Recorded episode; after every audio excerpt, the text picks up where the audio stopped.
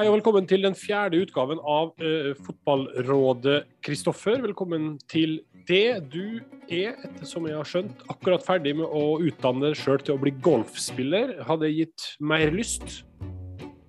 Det gir jo litt mersmak når jeg ser folk som kan det.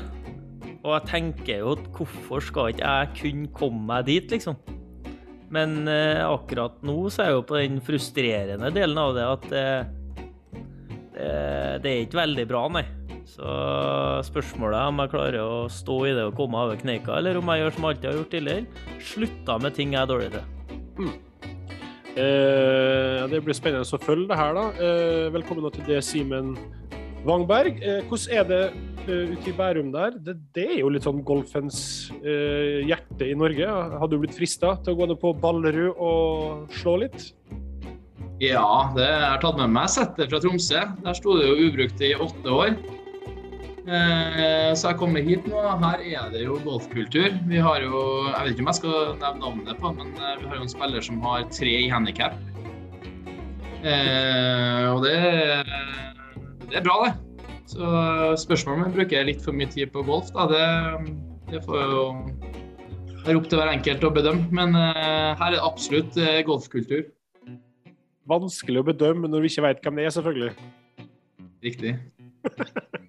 Nei, men Det er bra, det er hyggelig å ha deg med igjen. Eh, velkommen til deg, Sivert Heltene Nilsen. Eh, din første tanke når du hører at Kristoffer prøver seg som golfspiller, ser du for deg at han har det som skal til? Jeg kan se for meg at han har et vinnerinstinkt og han kan mobilisere med fokus. da. Det kan jeg se for meg. For jeg kjenner jo meg litt igjen. da. Det er jo forbanna frustrerende. og å se den der eh, bare gå ut til høyre annenhver gang. Da. Men eh, det går an å finne mestringsfølelse, så det, eh, man må bare stå i det. Man må bare det, og når man får det ene slaget, da er det nesten verdt det. Altså. Ja, det er det. det. Du skal ikke mer til. Ett av hundre. Det, er bra, det er bra at dere er med. Uh, uh, hyggelig å ha dere her. Og så tror jeg bare vi hopper videre. Vi vil jo ha dere med to i dag, fordi vi har lyst til å snakke litt eh, Obos-fotball. Eh, og spesielt da hvordan eh, fotballivet endrer seg. Eh, når man går relativt brått fra å være i en situasjon der man prøver å overleve og unngå tap, til å være det som mange ser på som opprykksfavoritter. Og et lag og spillere man har forventninger til hver helg. Eh, og da er det jo i Obos seier som gjelder. Skal man rykke opp? Um, og Da kan vi starte med et spørsmål fra Mikael uh, Kinnestad. Uh, han setter litt premisset her. Du kan få det her, uh, Simen. Hva er, ser du på som den største forskjellen på laga i Obos og Eliteserien? Han tenker jo da både taktisk og teknisk, men du kan jo kanskje um, Ja. Og Har du fått noe inntrykk så langt? Det er jo et godt spørsmål, da, først og fremst. For jeg syns jo, eller jeg tror jo, at Obos-ligaen har endra seg, egentlig. Eh, før tror jeg det var mye, veldig mye fysikk og, og ja, litt sånn eh, Ofte litt enkle, litt lange baller osv. Men jeg tror det har kommet opp en helt ny generasjon eh, unge trenere, først og fremst.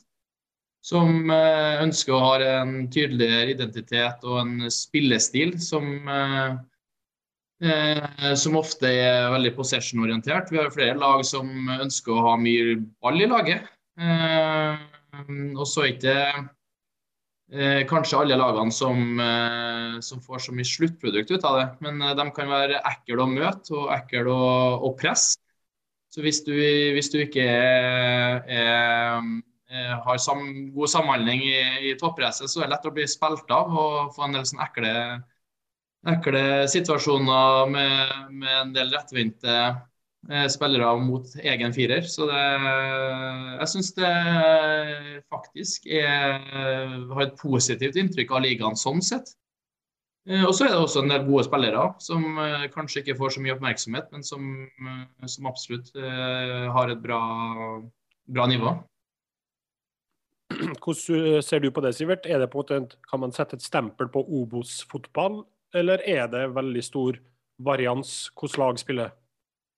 Ja, så det, Tidligere så var det litt sånn som Simen sa, da, at det var masse langballer og dødballer. og så Når det ble endra til to lag og en kvalik istedenfor fire lag som rykker ned, der det var 25% av hele ligaen rykka jo ned, på en måte, så var det veldig masse press på resultatet. Da, det, det, gikk jo litt utover fotballen tidligere. Så det er jo ikke tvil om at den er blitt mer spillende. Og så eh, samtidig så kan jo Man merker jo litt eh, kvalitetsforskjell, at man ikke blir straffa like hardt eh, eh, i Obos-ligaen som man kanskje blir i Eliteserien. Det, det, det, merker man. Så det, det, er jo sånn det skal være òg. Du ser jo mye, Kristoffer. Er det er veldig stygg hvis jeg sier at man er litt mer naiv, eller at man er litt mer sånn her er Det en slags læringsarena, eller er det blitt et veldig resultatfokus der òg? Eller fortsatt, da?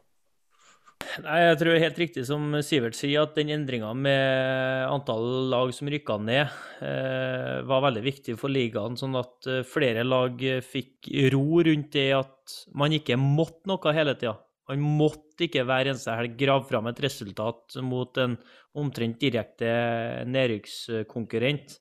Sånn at det er flere som da slipper til unge spillere, som flere som tør å stå i det over tid og tenke utvikling med måten man spiller på. Men da kan jo observasjonen din også være riktig at eh, man også da spiller på en ikke naivt, men at eh, man ser på det sånn Nei, det er læring. Ja, vi skal stå i det. Vi kan miste ball der. Vi kan eh, Vi skal unngå det utover sesongen. Og den biten der, hvis sammenligna hvis det samme laget hadde vært i et bunnlag i Eliteserien, så hadde de kanskje ikke spilt på nøyaktig samme måten. da. Så den konsekvenstenkinga den blir kanskje tatt litt bort, men det kan jo ofte være positivt da, i lengden for, for utviklinga av individet. Og så spørs det jo hvor klarer man, da, som, som Sivert er jo inne på her, at man føler jo at man blir straffa i mindre grad, nettopp pga. at kvaliteten eh, på de spillere som får den muligheten, da, Eh, ikke er like god som høyere opp. Men hvordan kan man da ta det steget som lag òg, at man eh, ja, samtidig som man utvikler spillere, er det, jo ikke, det er jo ikke ungdomsfotball. Det er jo voksenfotball med alt det, alt det innebærer. Kunne dere, Simen, dere har jo lagt om i år fra i fjor. Hadde dere, hadde dere gjort det hvis dere hadde stått i Eliteserien? Lagt om system, tror du? Ja, Vi var jo egentlig i gang med det i fjor høst, da. Men vi, vi fikk jo veldig mye nye spillere på kort tid. og vi ja, Kjøne fikk jo ikke implementert egentlig det han ønska. Det er litt som de sier her, det ble jo veldig sånn resultatfokus. Eh, og med det var, ble resultatet at vi ble eh, ofte veldig lav, veldig passiv. Vi hadde ikke eh, noe eget spill egentlig i stor grad. så jeg tror ikke det hadde endra seg noe om vi hadde holdt oss vår del egentlig i år. Jeg tror den, den prosessen hadde kommet til å bli starta på uansett. Eh, og det var jo noe av, det, noe av de klare tegnene som kom fram i en, eh, i en eh, si, evalueringsprosess vi hadde òg. At vi, vi spillerne og egentlig trenerne og for så vidt savna at klubben hadde en, en, eh, en tanke om hvordan vi skulle spille fotball. da.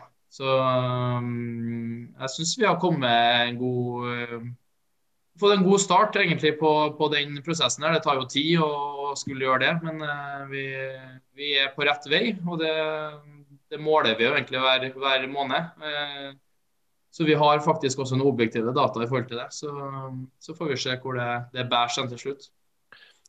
Grunnen eller Bakgrunnen til at jeg spør om det, er jo, uh, altså min tanke der er at måten dere spiller på nå, og måten folk kanskje forventer at kampbildet skal være, at dere skal være dem som styrer, da.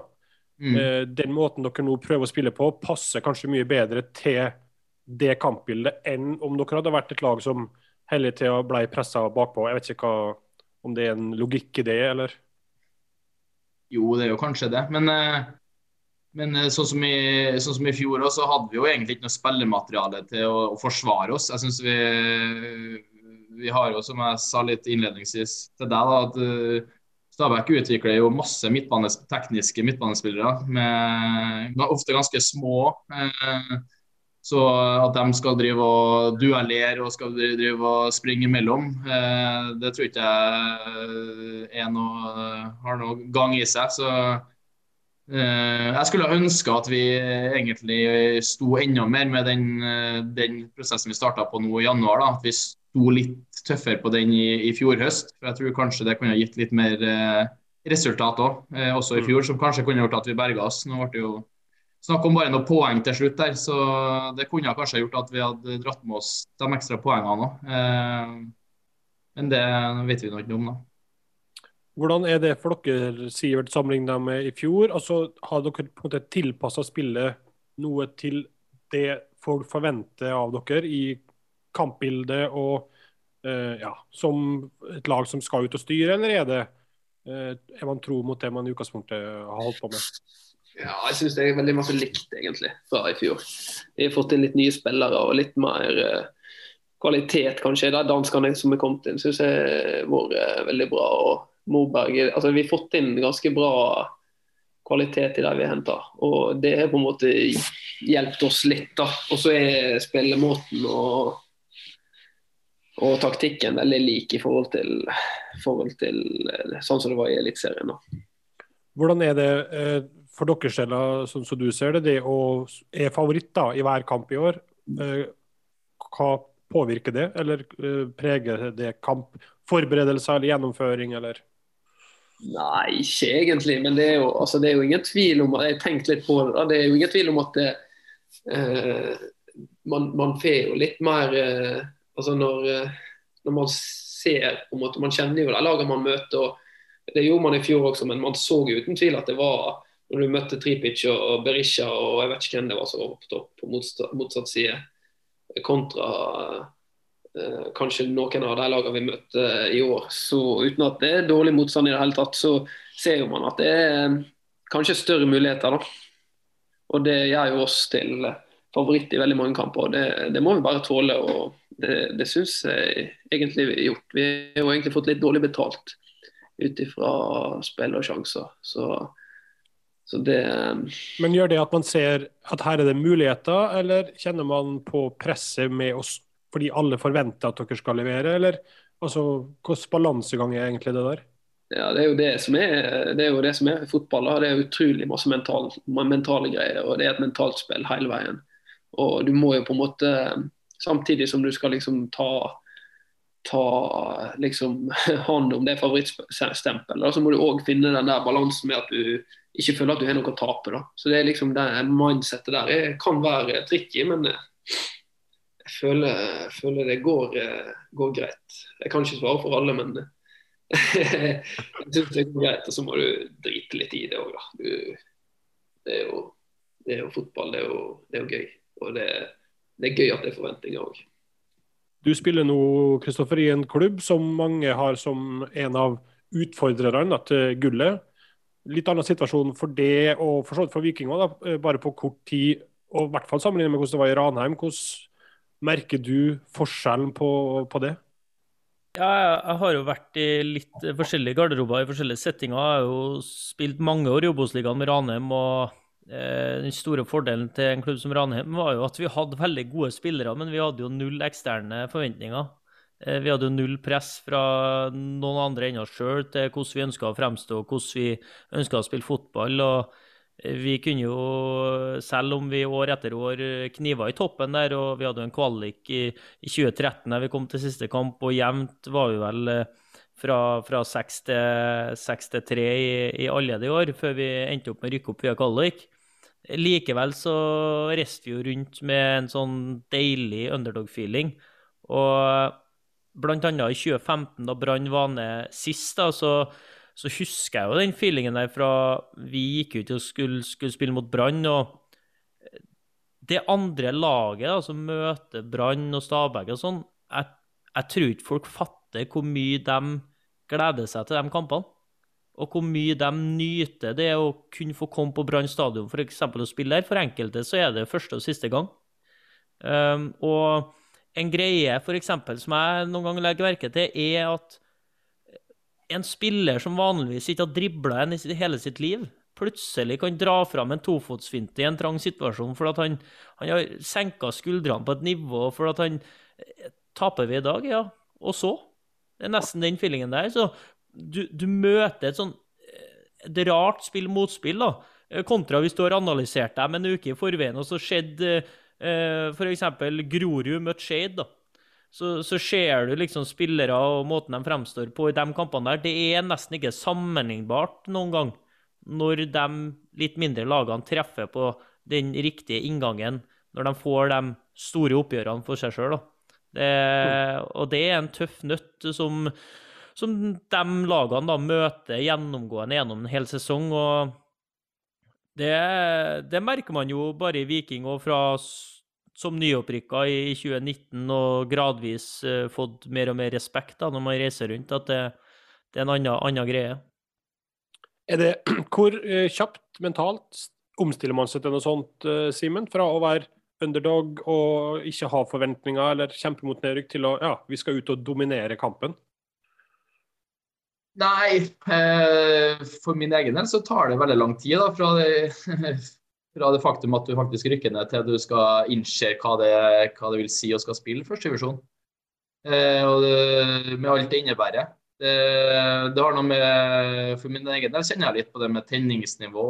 og Kom til litt stadioner hvor det ja, hvor det knapt nok er eh, tribuner. Eh, og hele den biten der. Så for meg tar det ganske lang tid å omstille meg til den til den, eh, den, biten der. Men samtidig så er det noe med at jeg kjenner litt på den uh, Det er jo artig å, å være topplag òg, i den forstand. Det med, med, det ytre presset er en ting, men også det å det å kunne føre kamper, det å kunne spille lag lavt. og Det liksom det er jo det artigste med fotballen, da, egentlig. Det å, å kjenne på den, eh, den sjøltilliten og den, den, at du er faktisk eh, på papiret i et bedre lag òg. Og og eh, så ja, når det, liksom, det, når det legger seg litt det at du, du, ikke Eller du vet at du ikke skal konkurrere mot de beste og hele den biten der, så, så syns jeg jo faktisk det, det, det er noe, noe, givende over det, da, hvis man kan si det. Hvor lang, eller altså, I den perioden der man uh, i hermetegn sliter litt med motivasjon, da, eller prøver liksom å omstille seg, hva, mm. hva gjør man da? Hva, altså, hva er triksa for å få motivasjon i gang igjen, på et vis? Altså, må man bare bruke tida til hjelp, eller hva er Ja, så øh, det å prøve å sette litt ting i perspektiv. Jeg synes det å, Bare det å spille fotball er jo fantastisk artig, og nesten artigere for hvert år som går. Eh, og Nå begynner man jo faktisk å ha vært med noen år òg, så jeg syns jo nesten det er artigere å spille nå når du er og Det er jo i førstevisjon òg som 31-åring enn 20-åring eh, i Eliteserien. Så det, eh, jeg vet da søren, men jeg tror det, det, handler om å ta litt eiers, etter, etter hvert så får du litt eierskap til din egen karriere òg. Og jeg tror eh, du setter pris på det å være en del av et lag. Løken snakka om den, den, kulturen i Ranheim der som er ganske unik, tror jeg, da, i norsk målestokk. Eller i hvert fall var det det. Du, det var egentlig en kompisgjeng som, som rykka opp og spilte eliteserie. Og, og alle snakka om Ranheim på den tida der. Eh, og det å kunne være med å, å, skape i hvert fall et snev av en sånn kultur, det tror jeg for meg er veldig givende. da. Eh, og så er det jo den drømmen da, om at eh, kanskje man kunne ha fått med seg en cupfinale. Kanskje man kunne ha fått med seg et år på eh, topp eh, seks, topp fem. Man har blitt litt der òg. Man har senka litt ambisjonsnivået. men eh, likevel er jo motivasjonen der, så det ja. Kristoffer er inne på det så vidt, Sivert. det jo liksom For småklubber eller andre klubber kom til Brann stadion, er på en måte det kanskje den største enkeltopplevelsen for dem i året. Hvordan merker dere det når dere går ut på banen og, og møter motstandere? Nei, vi har jo mest fokus på oss sjøl. Ja, men du merker jo hvordan de opptrer, eller hva de gjør. altså Du er jo ikke du er jo ikke en så ja, egen boble? Jeg har helt sånn delt, uh, delt, erfaring med det. Jeg føler det kan bikke den veien at de får energi, men det kan òg bikke den veien at uh, de har litt for masse respekt for, uh, for oss. Jeg har merka noen ganger der oi, plutselig kan jeg få veldig god tid når jeg møter et lag. Sånn, ok, han, han, tror jeg er enda bedre enn jeg er, på en måte. Skjønner du? Så det, det kan slå litt begge veier, det der. Og så vet jo jeg hvordan det er å stå på andre sida når jeg var på vei opp og fram med, på en måte Jødd. og uh, det, det, det, er liksom du, du, har alt å vinne, men samtidig så er ikke, kanskje ikke alltid forventninga helt der på at uh, du skal vinne. Og den forventninga, Hvis du har den forventninga liksom forplanta i laget, så, så, så, er det vanskelig over 90 minutter å, å, ta det laget som virkelig forventer at de skal vinne den kampen. Det virker jo som entusiasmen i Bergen er vel så høy i år som i fjor, egentlig. Når du ser på billettsalg og Det er vanskelig å sammenligne hele året i fjor, da, men altså, det er en veldig støtte dere har, i hvert fall i, i, i fans og supportere. Ja, det mobiliseringa fra høsten og i fjor har vært helt uh, enorm. og og det har nesten tatt seg enda mer opp etter vi rykka ned òg. Så det er jo, uh, det er jo helt uh, unikt, det Bergen gjør nå. Med både, både den støtta de gir til damelaget og, og, og, oss, er utrolig, utrolig kjekt å på en måte delvis være en del av. Da. Så mm. det, er jo, det, er jo, litt sånn kulturen i Bergen òg, da. Det er jo jeg liker jo ikke nødvendigvis at det går sånn midt på treet. Det er jo enten helt i bånn eller helt på topp. Og nå forhåpentligvis så, så skal vi ligge helt i toppen. Eh, går det an å si noe om Kristoffer, hvordan man bør sette opp et lag eh, for å skulle på en måte eh, Om ikke bare vinne i Olympisk men altså det å møte storfavoritter. Hva, er på en måte, hva bør et, et mindre lag tenke på? Uff, den, er, den er vanskelig, men uh ikke Altså, det du ofte kan Hvis du klarer i starten av kampen da, å slippe deg nok løs og spille på høy nok risiko til å kunne uh, sette den feelingen i dem som skal være bedre, at oi, shit, her er det Er de, er de så gode, ja? Så, så, kan du spille på deg en selvtillit inn i laget. Jeg, jeg, husker jeg har jo også vært i en situasjon Sivert beskriver at hvis du er på det laget med mindre forventninger, og så start, starter du, og så blir anledninga kanskje litt for stor for deg, at du, du, spiller på for lav risiko, du gjør det enkelt, så blir du spist opp. Sakte, men sikkert så blir du spist opp. Så det å, det å, virkelig treffe på den inngangen, at du spiller på høy nok risiko og stoler på egne ferdigheter, sånn, jeg, jeg, tror det er den eh, måten å kunne ta det på. Så til syvende og sist så må du jo Det laget som er eh, ofte innehar de ikke bedre spillerne, bedre fysikk eh, eh, bedre, altså At totalen er bedre, så vil jo de spise seg inn i kampen og skape trykk mot deg. Så da må jo ha flaksen på sin, din side å stå imot òg. Det var jo litt sånn ja, Skeid til slutt så gikk ikke an å stå imot, da, selv om det var på overtid den kampen Brann vant der, liksom. Så mm. eh, du får det massive trykket mot deg til syvende og sist likevel, hvis, eh, hvis et lag som f.eks. Brann da eh, eh, står i det og spiser seg inn i den kampen. Mm. Jeg fikk et spørsmål her fra en som heter Sean. Jeg tror han er Brann-supporter. Eh, Sivert. Mm. Skriver at kun deres egne lag og Bryne, altså det er jo dere to, da, Simens i Stabæk og i Brann, spiller på naturgress. Hvor utfordrende er det å måtte skifte underlag i annenhver kamp, og i hvor stor grad hemmer det utvikling og rytme i spillet? Eh, også det er flere ting da, utføre spilleplan, risiko for skader og ja, til sjuende og sist resultat. Har det noe å si? Ah, det, det er jo noe å si. Tidligere så syns jeg det var nesten sånn fordel å ha, ha gressbane. Jeg husker gamle Hødvoll, og vi tenkte det er gunstig å få dem på en tung gressbane, liksom. Men jeg veit ikke, altså. Jeg veit ikke om det, det stemmer lenger. Og, og, når du på en måte ikke får trene på den gressbanen du skal spille kamper på, så er jo det kanskje begrensa kontra de lagene som spiller på kunstgress. og og får trene på akkurat de forholdene de skal spille hjemmekampene i, og nesten ganske like de forholdene du òg skal spille bortkamper, de fleste bortkamper i. Så eh, jeg syns det er vanskelig å svare på. Jeg har ikke lyst til å være for bestemt heller, egentlig. Når eh, Hvor, debatten er sånn som den er her. Ja, uh, nå er man jo tidlig i sesongen. og Det kan jo være at naturgresset tar litt tid før det setter seg. Er det, mm. hvor mye kan det på en måte hemme et lag, eh, Simen? Altså, dere som nå vil spille litt på en litt annen type måte, da. Hvor avhengig er dere at gressmatta lever opp til det, det den bør? For oss nå, det er mulig litt sånn uh, subjektivt, men jeg, jeg, føler at det er vår største fiende akkurat nå. er vår egen hjemmebane. Eh, og Det går på flere ting. Det går jo på som Sivert sier, at du ikke får trene på banen eh, før kamper. Eh, for oss er det jo en like mye bortebane som, som, eh, som bortelaget. Eh, og så er det at det er en bane som ikke er god nok til å, å spille fotball på per, per dags dato. Eh, som gjør at eh, vi må jo vurdere da, om vi må legge om måten vi spiller på, eller om vi, om vi står i det. og så at den, håper på at den skal bli bedre da, til, til, neste hjemmekamp. Uh, for sånn som det har vært to første hjemmekampene, så, så har vi virkelig slitt. Og det, det, det, er kjedelig da, når du føler at vi, vi er litt på gang og litt på vei. og, og, og ja, i hele tatt så så har ikke vi en bane som er god nok. Det, det, jeg håper virkelig at den blir bedre utover, for å si det sånn. Uavhengig av hvordan Nadderud er nå, da, tror du motstandere forenkler spillet sitt når de møter dere? Altså At de på en måte tar risikonivået i motsatt retning av det Løkberg omtrent anbefaler?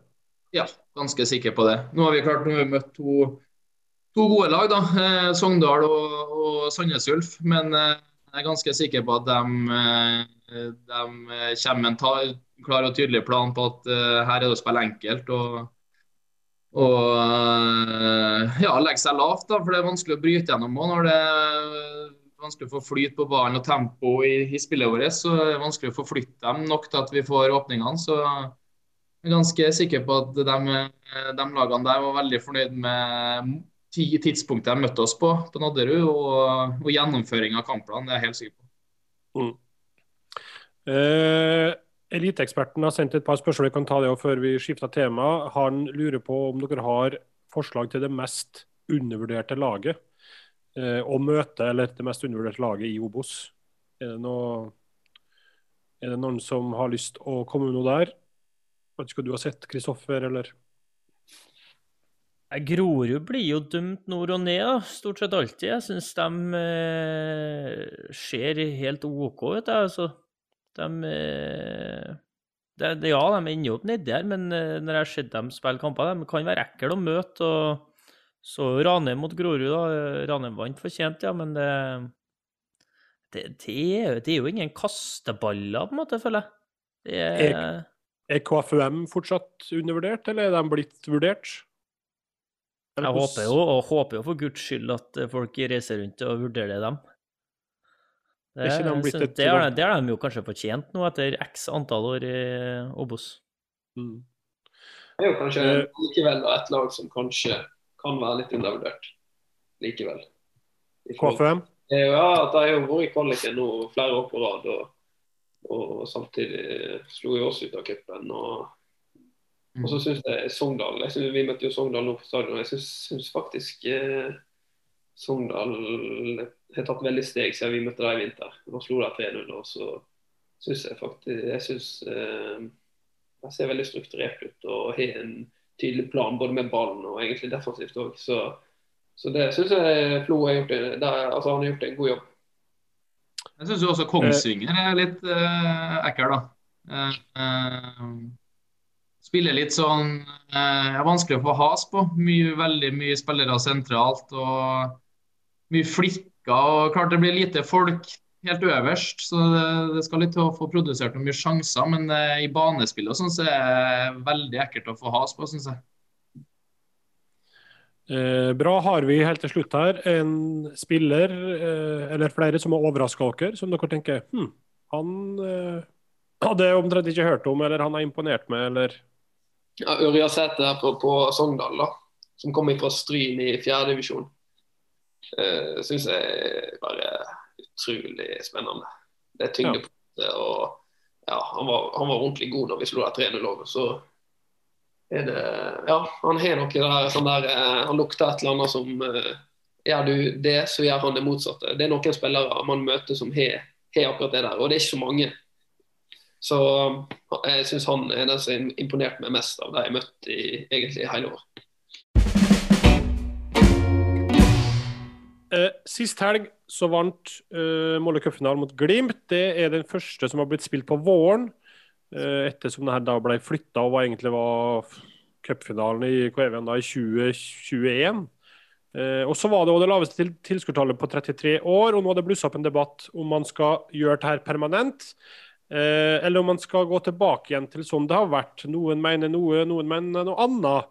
Eh, Fordelene og ulempene er jo eh, forskjellige her. Men hva er på en måte umiddelbar tanke i eh, rådet, Simen? Hva stemmer du for, bare for å ta helt sånn kort? Høst eller vår? Jeg tenker høst, og det begrunner jeg Jeg var i Oslo i helga. I, på lørdagen. Søndag, eller lørdag eller søndag. Og det er jo kjent med at det, altså når det er cupfinalehelg, da er det full kok i Oslo. Det kan jo ha litt mer hvilket lag som var osv., men det var liksom Det var så dødt over hele greia. Og det føler jeg med at det ikke var fullsatt. Og kongen var jo knapt der heller. Så jeg føler det blir litt sånn fattigmannsversjon, så jeg stemmer på høsten. Hva gjør du, Sivert? Ja, jeg er enig med Simen. Altså. Det, det, hva var det jeg skulle si da? Det er jo en grunn til at det er sånn nå, men um, den uh, Altså, det er på en måte det høsten at cupfinalehelga er hellig, og det er på slutten av sesongen. Det er liksom noe av det vi har fått til bra i Norge med det trøkket, kontra f.eks. Sverige, da, som har hatt utrolig dårlig kultur for cupen. Jeg merka jo det sjøl når jeg spilte cupen der. Det var jo altså, Jeg måtte virkelig jobbe med gutta for å få dem opp, for det var litt som en treningskamp. Men jeg er, samtidig da, så syns jeg det det skulle vært mulig å spille noen tellende kamper før april. Og, og, ha en eller annen slags Om det er mulig å lage en versjon av ligacupen som går Istedenfor at vi har tre-fire måneder der vi spiller treningskamper, så mener jeg at det er mulig å lage en cup der du på en eller annen måte spiller før sesongen. Og så har du kanskje finale i, den tida vi har hatt nå, i den cupen. Eh, og så har du i tillegg den vanlige, tradisjonelle cupen. Så det, det er jo, Jeg mener at det skal være mulig, da. Men det er jo en idé jeg har gått og tenkt på sjøl. Så det er jo litt sånn. Jo, men vi- men, men det, altså, det er jo, jeg, jeg, jeg tror at det er mulig, og, og så er det får du tellende kamper, og det er det vi har lyst til å spille. Vi har ikke lyst til å spille ti treningskamper i tre måneder eller fire måneder tidlig på sesongen. Så det, det er jo noe der som man kan eh, på en måte optimalisere. Vi var jo innom til temaet her for et par år siden i Spillerådet, og da tror jeg Flamur Kastrati foreslo noe tilsvarende. og Det ble kalt var det Mette-Marits cup, eller det var noe dronning Sonjas cup, eller det var tilsvarende ligacup. Ja, for du, du kunne ikke dele ut kongepokalen der, så du må ta en variant. Du, Kristoffer, syns jeg har sett å være litt mer åpen for at det kan være en varig løsning, det her, eller? Ja, altså, jeg, jeg likte jo det å kunne få de tellende kampene før sesongen. Det korta ned preseason, og så gæli i hvert fall følelsen, da. Eh, og så har jeg jo vært eh, tilskuer på cupfinalen eh, flere ganger sjøl. Og det er bikkjekaldt og jævlig en sen novemberkveld i Oslo her. Kvelden før eh, altså kampen, gjerne, der du er ute og koser deg litt. Så, så selve tanken med en eh, maihelg med fint vær og litt sånn sydlandsk stemning, det, den er jo god. Men noe som absolutt ikke går an, det er jo at det Altså, det er en drøy uke fra semifinalen til finalen. Altså, du rekker jo ikke å glede deg engang. Så, så det må de jo finne ut av. Det må jo være en god avstand mellom semifinale og finale, sånn at nummer én, eh, supportere får planlagt og bestilt seg tur. Eh, og supportere må i tillegg ha liksom den her å se fram til, glede seg til, bygge opp til en cupfinale. Nå ble det bare sånn at det ramla midt inni der, og vi må bare Vi må få det til en gang, så det må nesten bare bli den helga. Eh, og, og tanken var jo egentlig at den skulle jo spilles lørdag, men så hadde de jo fått på pukkelen av at de ikke var i forkant i tilfelle Bodø-Glimt gikk videre i Europa. Derfor ble den jo flytta til søndag. Så det skulle jo egentlig være lørdagskamp, og så ble det jo 1. mai som bare ga det en ekstra parodisk vri, da, med at uh, ingen fra Arbeiderpartiet kunne delta på noe sånt på en sånn dag, og så sto Sandra Borch der og delte ut istedenfor kongen, liksom. Det ble jo bare Det ble feil retta opp med en feil, da, for å si det sånn.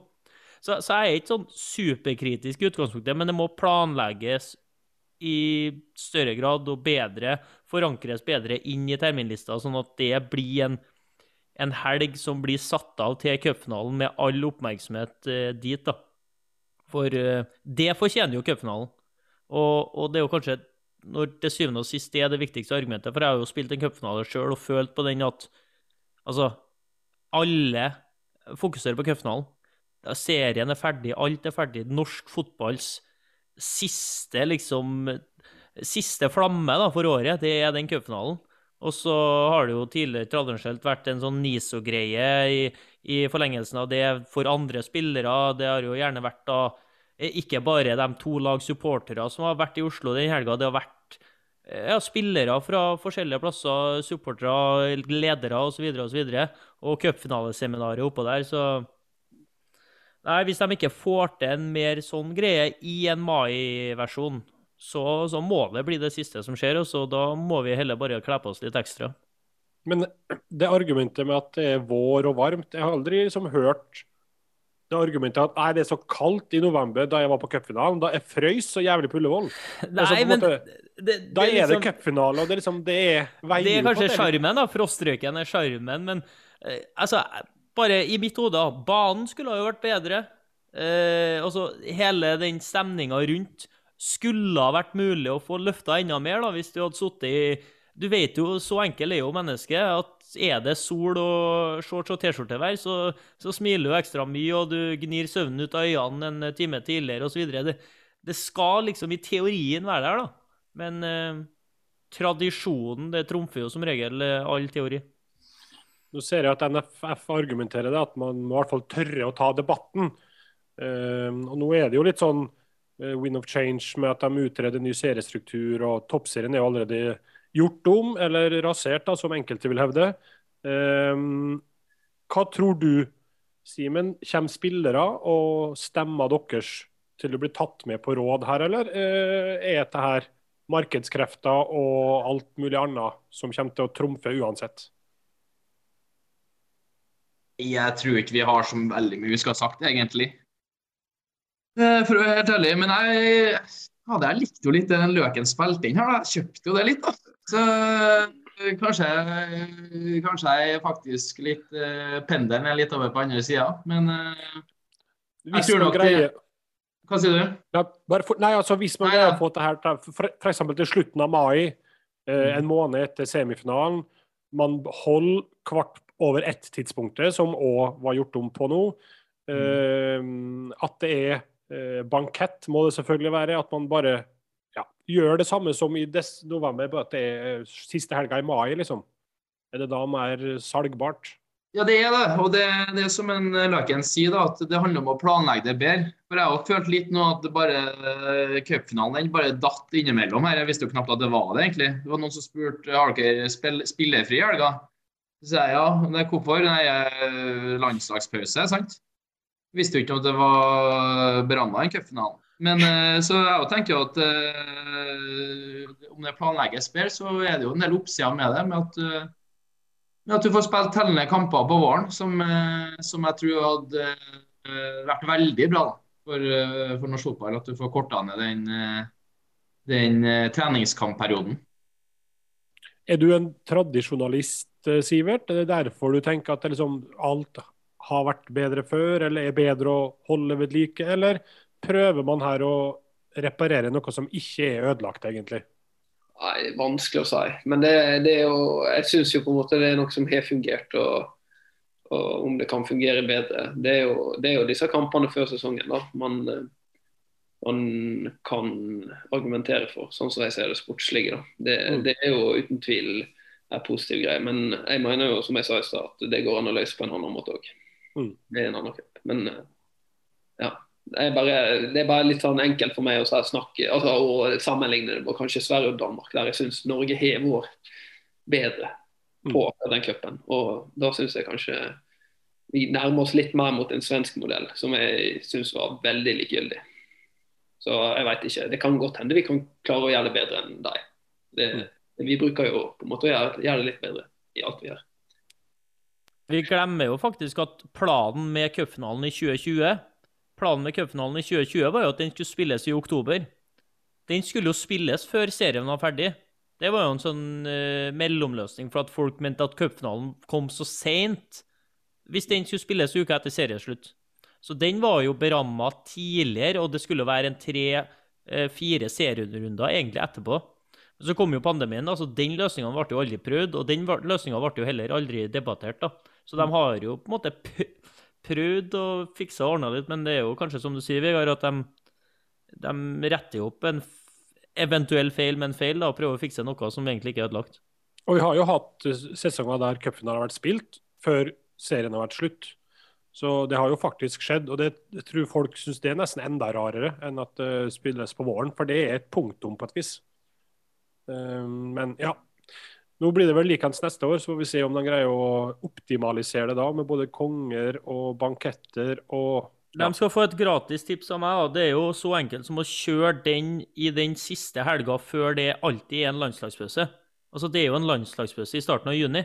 Mm. Det er jo bare å kjøre den i siste helga før, og så får du jo lagene da en forlenga landslagspause slash eh, at Legg sommerferien dit, da.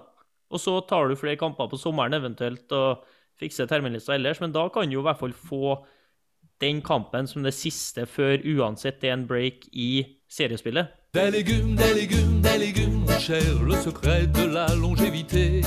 Des légumes, des légumes, des légumes. Des légumes, des légumes, des légumes. Vi vet veldig godt Kristoffer, at når vi hører den musikken her, så er det duket for Løkbergs løksuppe, er det ikke det? Ja, det er riktig. Og um, løksuppa, for dem som ikke er kjent med den, det kan jo være alt mellom himmel og jord.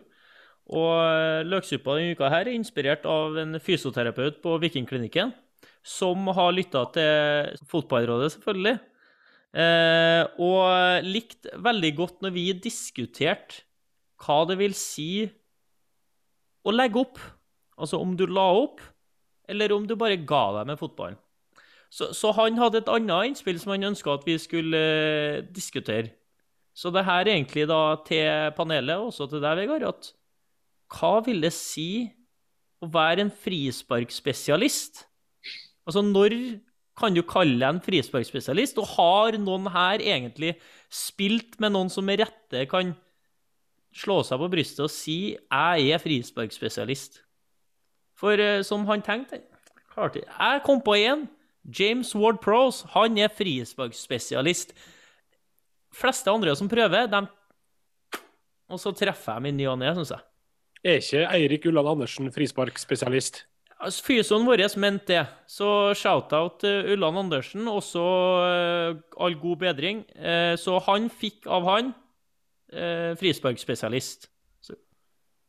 Men eh, det er jo mange som f.eks. mener eller tror at Cristiano Ronaldo er en frisparkspesialist. Det er han jo ikke. Veldig langt unna. Han er jo en spesialist. Ja, men han er jo bomme, ja. Ja. Ja, ja, ok. Hvis det er jo ja. Jeg tenker jo eh, Gamsen må jo nevnes, da. Der Han har vi Det er Han er vel på noen liste i Premier League, og ikke noe? Ja. Så har du Ullskisa-keeperen. Når du kommer opp Oi, det Frendrup? ja. Er Hagerup, ja. Hagerup, ja. Ja. Det er helt motsatt. Mm.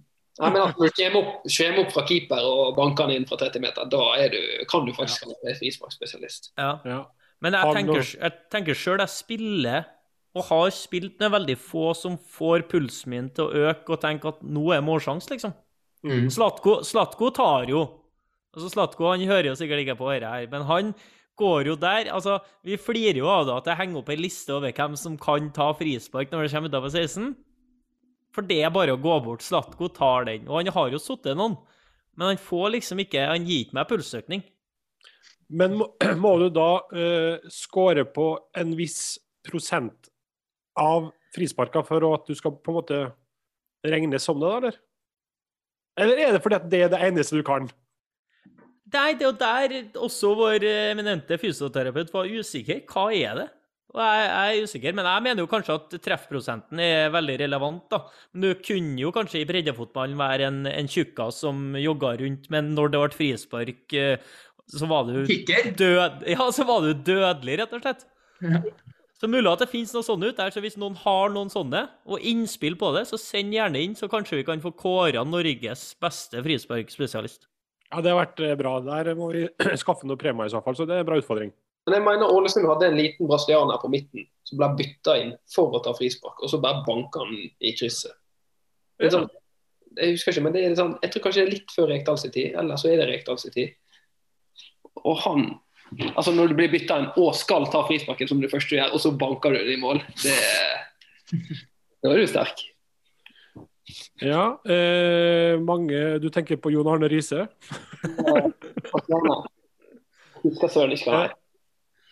Jeg husker ikke heller, men eh, det eneste som jeg kan komme på fra gammelt av, er Tom Kåre Staurvik. og Jeg vet ikke om han egentlig var det, han heller. Men eh, OK, vi skal i hvert fall få prøve å få kåre en frisparkspesialist. Det har vært gøy.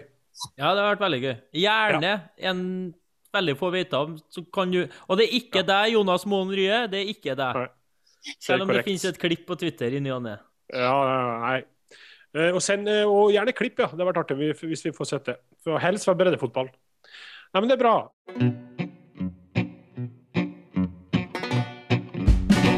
Vi tar noen uh, lytterspørsmål, og artig at du nevnte Jonas Moen Rye. Han er jo en fast lytter. Uh, han sier kan vi få en rangering fra størst kjeftsmelle til minst kjeftsmelle av dere tre?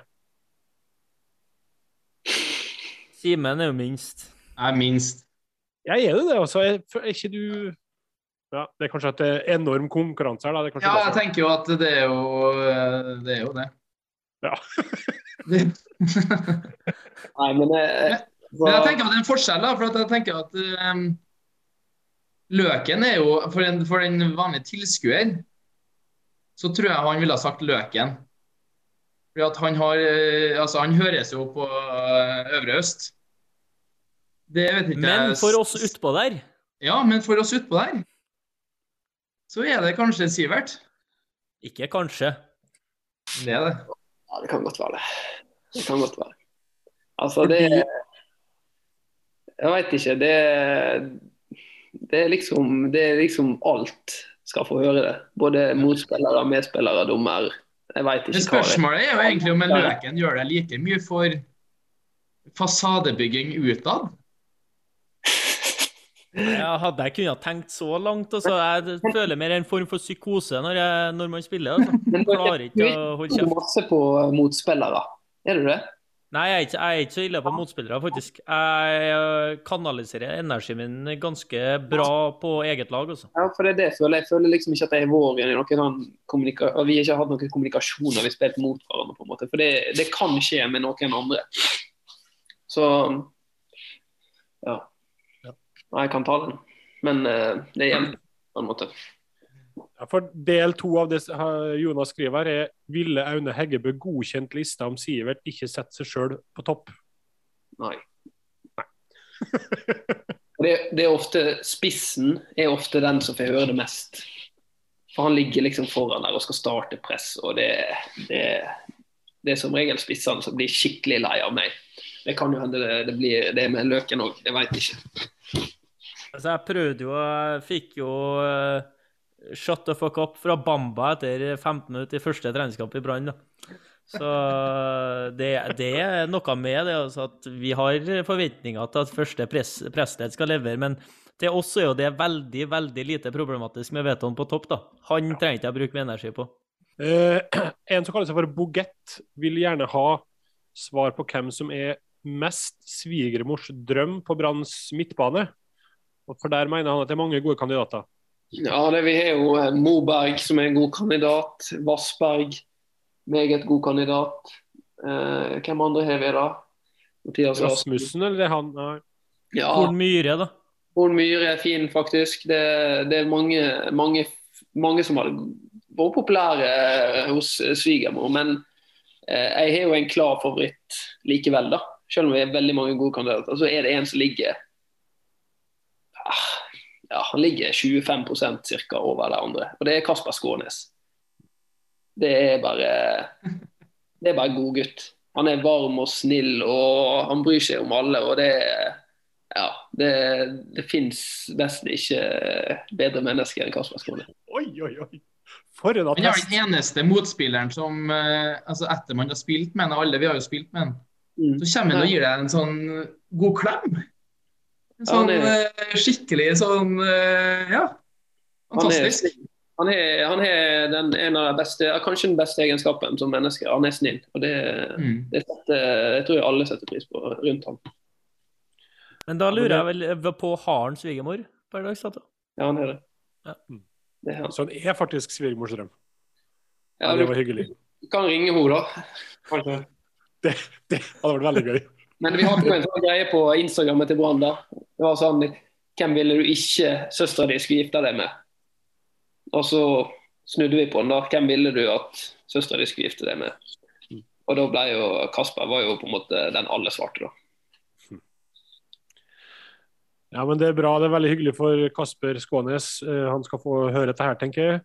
Eh, Eirik Thorberg lurer på hvem er den eh, beste duellspilleren dere har møtt. Da kan du kanskje svare, Simen, om du har noe på tunga der?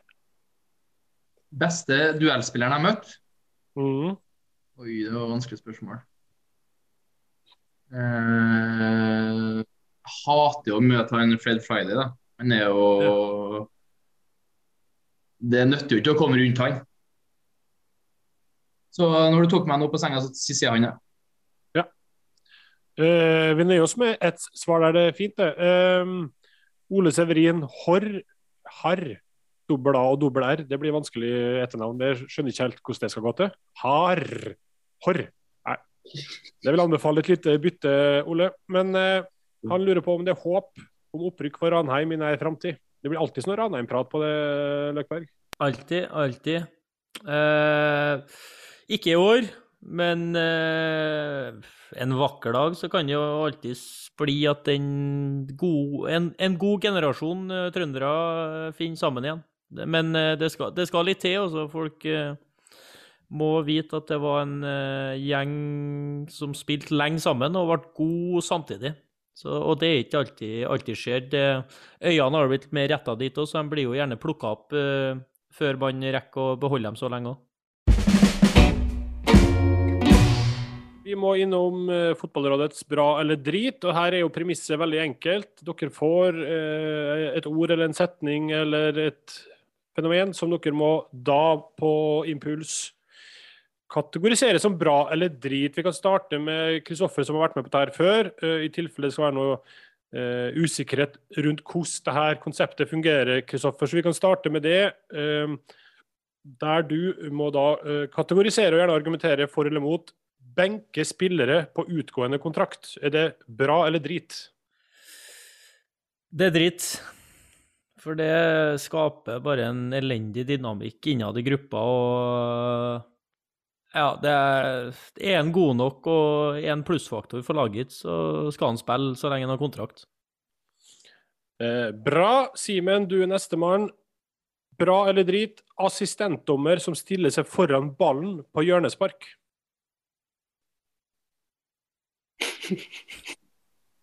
Drit. Nei, egentlig så syns jeg det er helt greit, for jeg hater korte cornerer. Så jeg kan gjerne stå her og liksom få roa ned til vi andre kommer opp, og så setter vi cornerne inn i boksen. For det her er jo ofte når dommeren eh, tar en prat inn i feltet, eller det er et eller annet som skjer. Så har han liksom bare Hold your horses. Hold, hold, hold, hold, hold. Ja. Og så setter jeg i gang. Så bra, da. Ja. Eh, Sivert, eh, å samle medspillere i ring etter at man har enten skåra eller fått et mål imot, det har blitt en sånn trend nå. Er det bra eller drit? Ja, det er jo blitt en trend i norsk fotball spesielt, føler jeg. Det er sånn norsk fotball store trendgreie. Mm. Men jeg støtter på Jeg, jeg syns, det er bra. Jeg. For at det, å, samle, å få samles og få snakke om en del ting på, på den måten da, i, etter en sånn situasjon, det er på en måte ganske Jeg har i hvert fall opplevd det som effektivt. Selv om det, det er voldsomt nå, men nå er det nesten sånn litt pinlig å gjøre det, fordi at det er blitt så populært. Eller at spesielt Alle gjør det. ja, gjør det i hvert fall hele tida. Men uh, det, eh, det, er ikke, det er ikke helt dumt. Jeg syns det er sykt at det ikke var mer hva, Altså, at det har blitt veldig vanlig etter Bodø-Glimt så tydelig begynt med.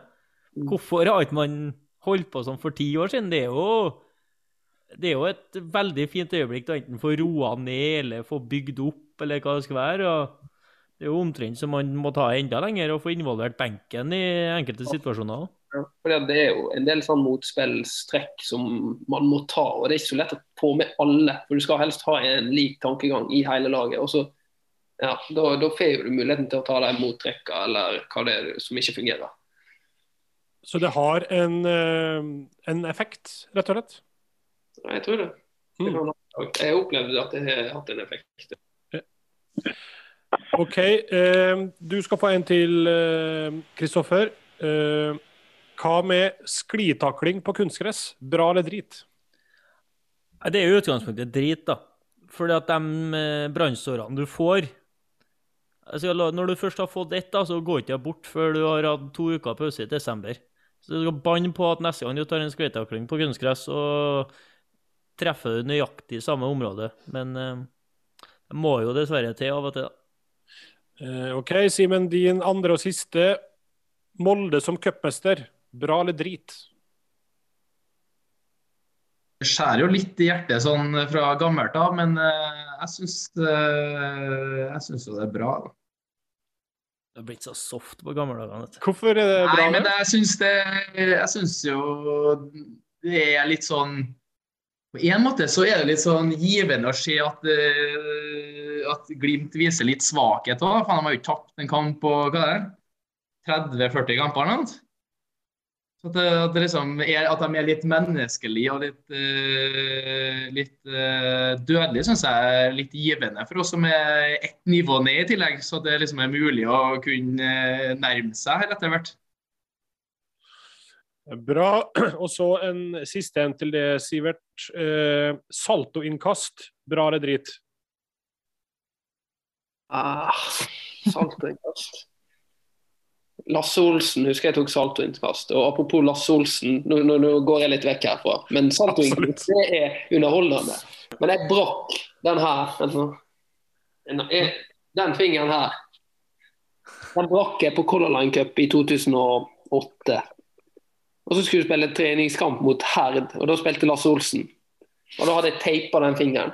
Og så skal jeg markere den på corner. Så bare tar han tak i den fingeren, og så bare river han til. Oi! Unødvendig. Og det er drit.